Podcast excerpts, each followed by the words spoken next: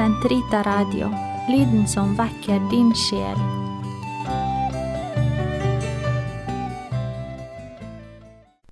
Karmels hage, episode 20 Gjør mitt hjerte til en bolig for Den hellige ånd. Karmels misjon er alltid å være i kirkens tjeneste.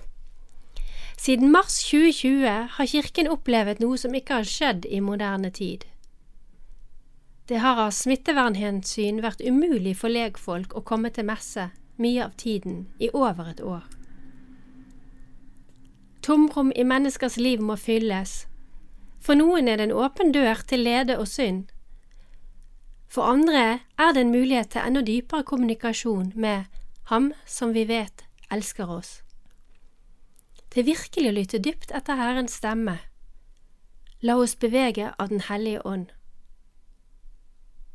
Kirkevåren, som for oss vanligvis er fylt av jubel og glede, og gjennom påske og pinse og Kristi himmelfart, har for annet år på rad fått en langt mer nedtonet jubel.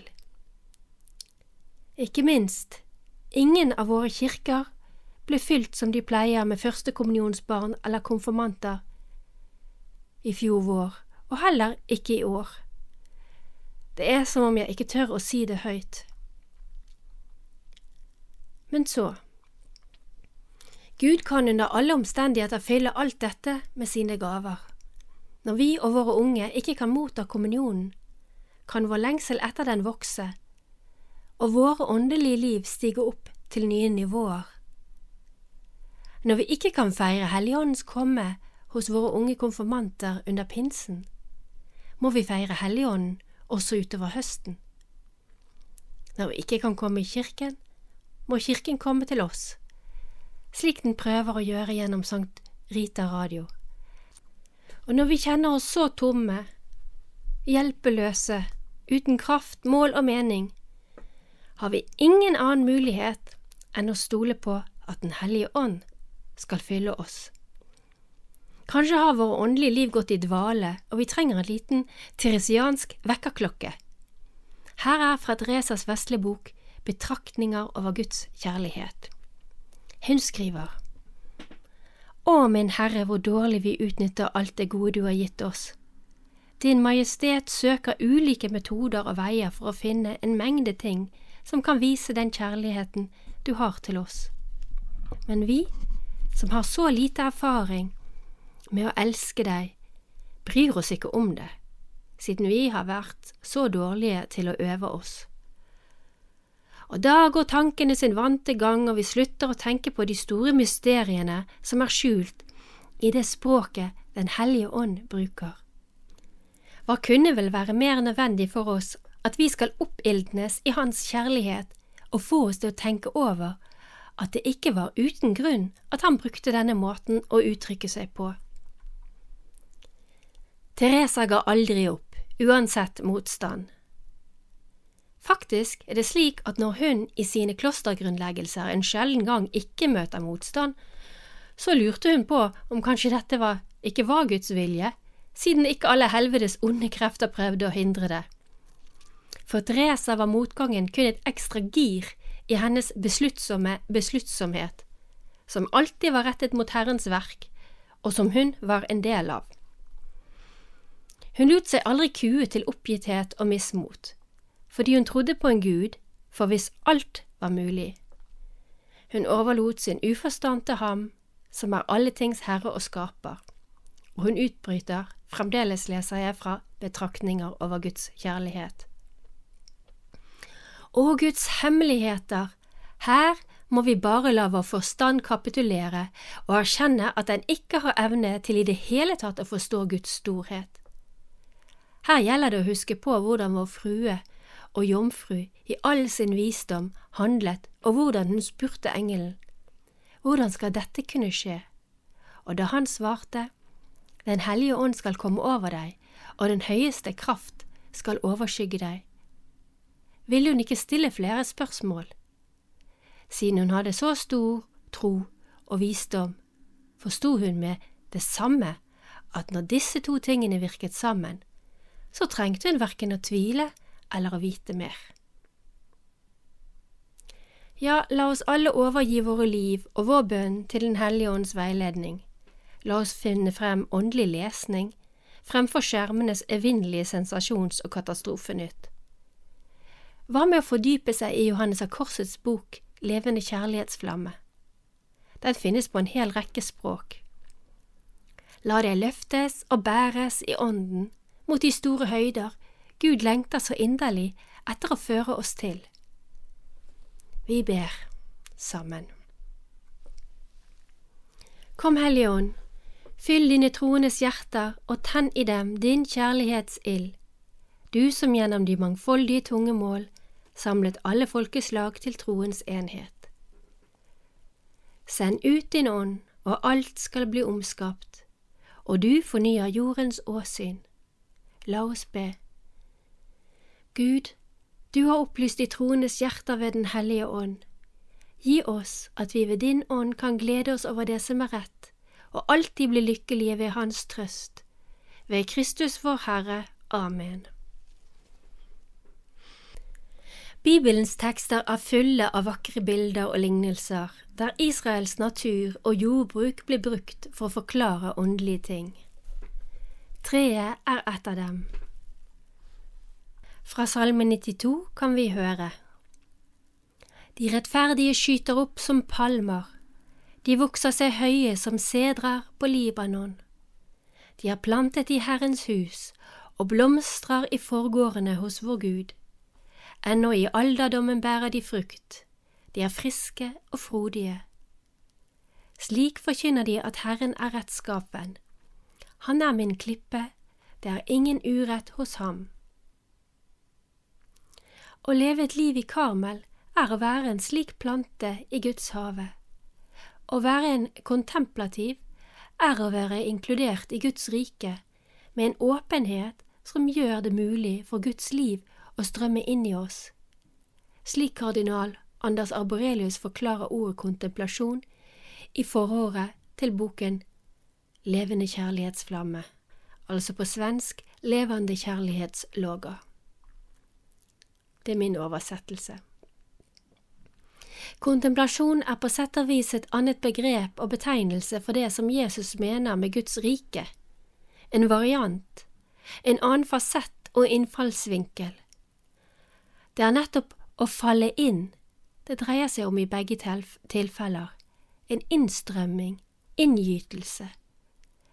Det er Gud selv gjennom Den hellige ånd som veller inn i mennesket men ettersom denne virkeligheten er så strømmende, overflommende og overveldende, er den også vanskelig å fange i ord og begrep.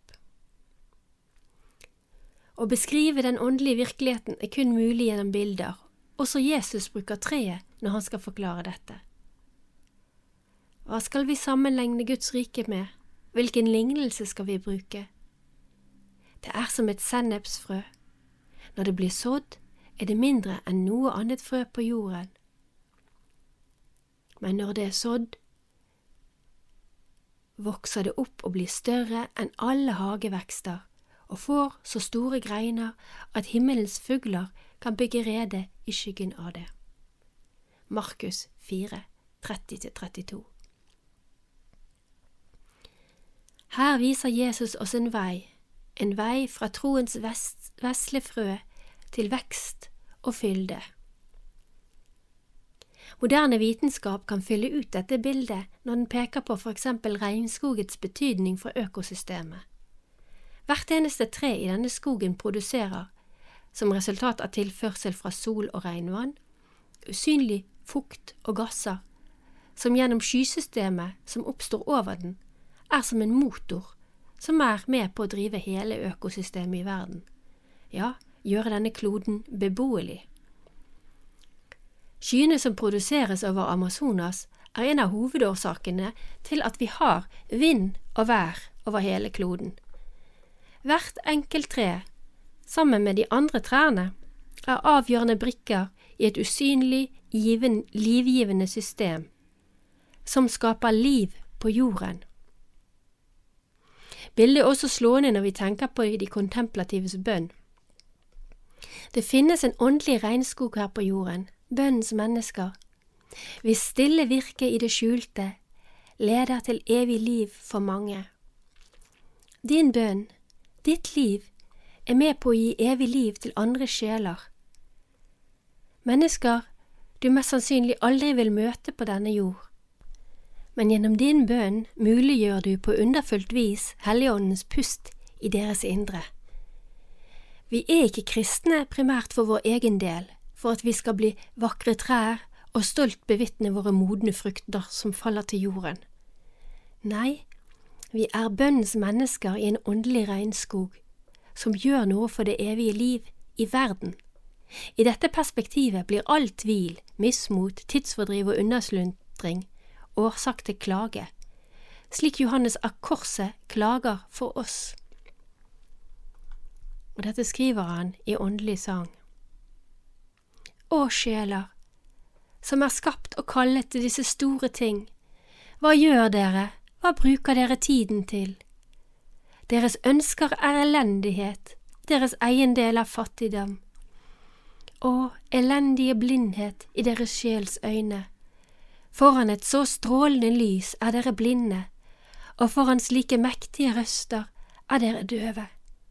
Dere ser ikke at så lenge dere søker storhet og ære, forblir dere elendige og små, uvitende om og uverdige så mange skatter.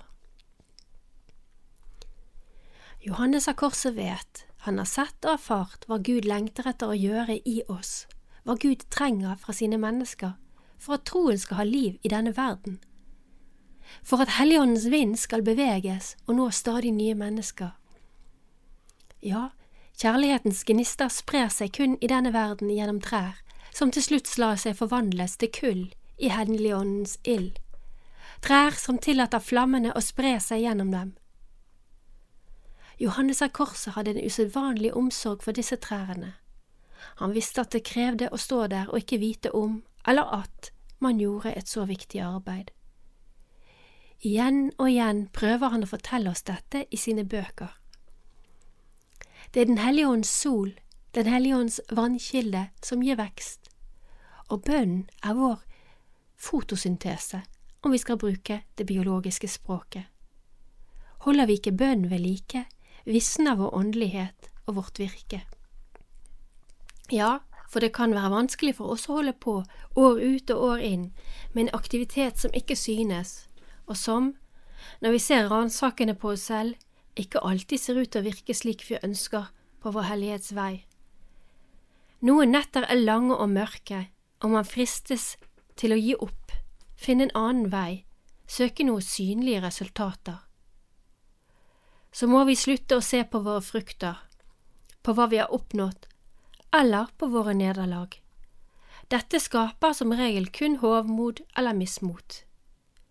Det er Gud som gir vekst, så se på ham. Det virkelig betydningsfulle, det å forenes med Hans brennende kjærlighet, kan du likevel verken se eller måle.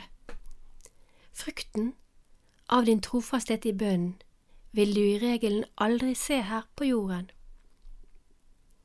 Vi kan la oss inspirere av Johannes av Korset, så Helligånden kan puste liv i våre svake glør.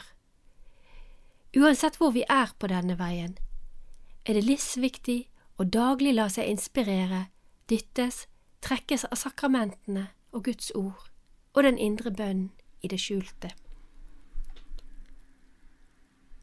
Og er du i en slik situasjon at du ikke kan ta imot sakramentene, enten fordi du er for langt vekke fra kirken, eller fordi smittevernreglene fremdeles hindrer deg i å komme, så finn frem Johannes av Korsets bok Levende kjærlighetsflamme. Les strofe én, den vakreste hyllesten til Helligåndens virke i sjelen jeg noensinne har lest. Les Hans ord, Les hvor viktig den langtekkelige askesen er. Det er den som forbereder deg, som gjør deg åpen og mottagelig, så du kan ta imot det som er større enn noe du kunne forestille deg. Her skriver han. Sjelen kjenner seg nå helt oppflammet i den guddommelige foreningen, og dens gane bader i herlighet og kjærlighet. Det er intet mindre enn elver av herlighet som flyter fra dens innerste vesen og flommer over av sødme. Den kjenner elver av levende vann i sitt indre, noe som Guds sønn sa skulle velle frem i slike sjeler. Og skulle du være en av dem som i dypet av din sjel tviler på at Gud kan forene seg med deg på denne måten, så lytt igjen til Johannes av korsets tydelige ord. Men jeg svarer alle dem at himmellysets far, hvis hånd ikke er for kort, flyter over uten å gjøre forskjell på folk, strømmer innover alt der det finnes åpenhet, slik som solstrålene gjør. Også den viser seg jo alltid til menneskenes fryd på alle mulige veier og stier. Han verken nøler eller ringakter å glede seg med menneskenes barn og være sammen med dem på den vide jord. Det virker ikke usannsynlig på meg at det for en sjel som allerede er gransket, prøvd og lutret i trengselens, prøvelsens og alle mulige fristelsers ild, og derigjennom funnet å være trofast i kjærligheten, allerede i dette livet skulle få opplevd det Guds sønn lovet, nemlig at om noen elsker ham, så skal den aller helligste treenighet komme og ta bolig hos dem. Dette skjer ved at forstanden blir opplyst på en guddommelig måte gjennom Sønnens visdom, ved at viljen finner sitt ønske i Den hellige ånd, og ved at Faderen mektig og kraftfullt slutter seg til den med sin søte og bunnløse omfavnelse. Les strofe to og lær hvordan Den hellige treenighet virker i din sjel, så du kan lengte etter treenigheten, søke dens fylde. Slik vår hellige Elisabeth av treenigheten fikk oppleve det like før sin død. Hun skriver I morges sa han dette dypt inni meg, hvis noen elsker meg, vil min far elske dem, og vi skal komme til dem og ta bolig hos dem. I samme øyeblikk opplevde jeg sannheten i dette. Jeg kan ikke forklare hvordan de tre guddommelige personene avslørte seg, men jeg så dem holde en kjærlighetsfylt samtale inni meg, og jeg kan fremdeles se dem. Hvor stor Gud er, og hvor Han elsker oss. Sitatet er hentet fra en bok, og jeg har oversatt det selv, og boken heter He Is My Heaven. Les så strofe tre og bit deg merke i hvordan andre mennesker, djevelen og du selv, prøver å hindre denne vakreste av de vakre foreninger. Gjør det som Teresa av Avila påpeker. Vær besluttsom, besluttsom, og skjerp din askese, kjemp enda litt hardere mot det som drager i andre retninger, samtidig som du vet og stoler på at det er Gud selv som skal gjøre alt for deg. I sin overmåtelige, barmhjertige kjærlighet.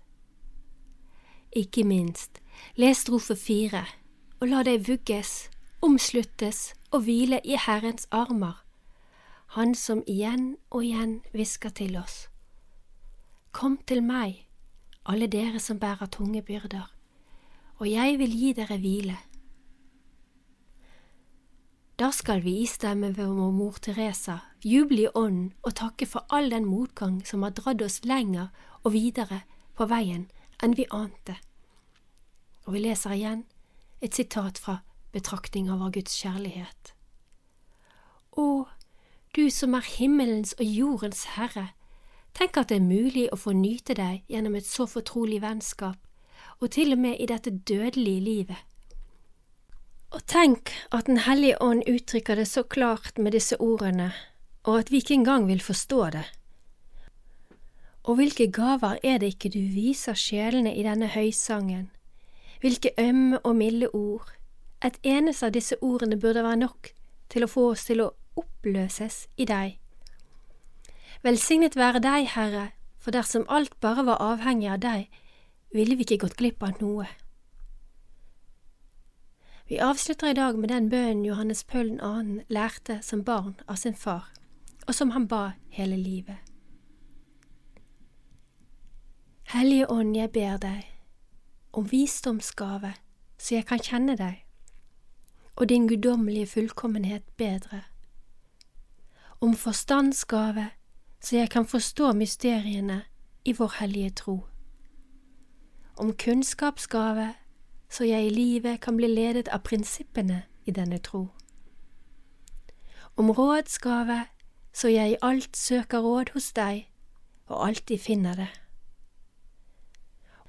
Om motets gave, så verken frykt eller jordiske hensikter skal kunne rive meg bort fra deg.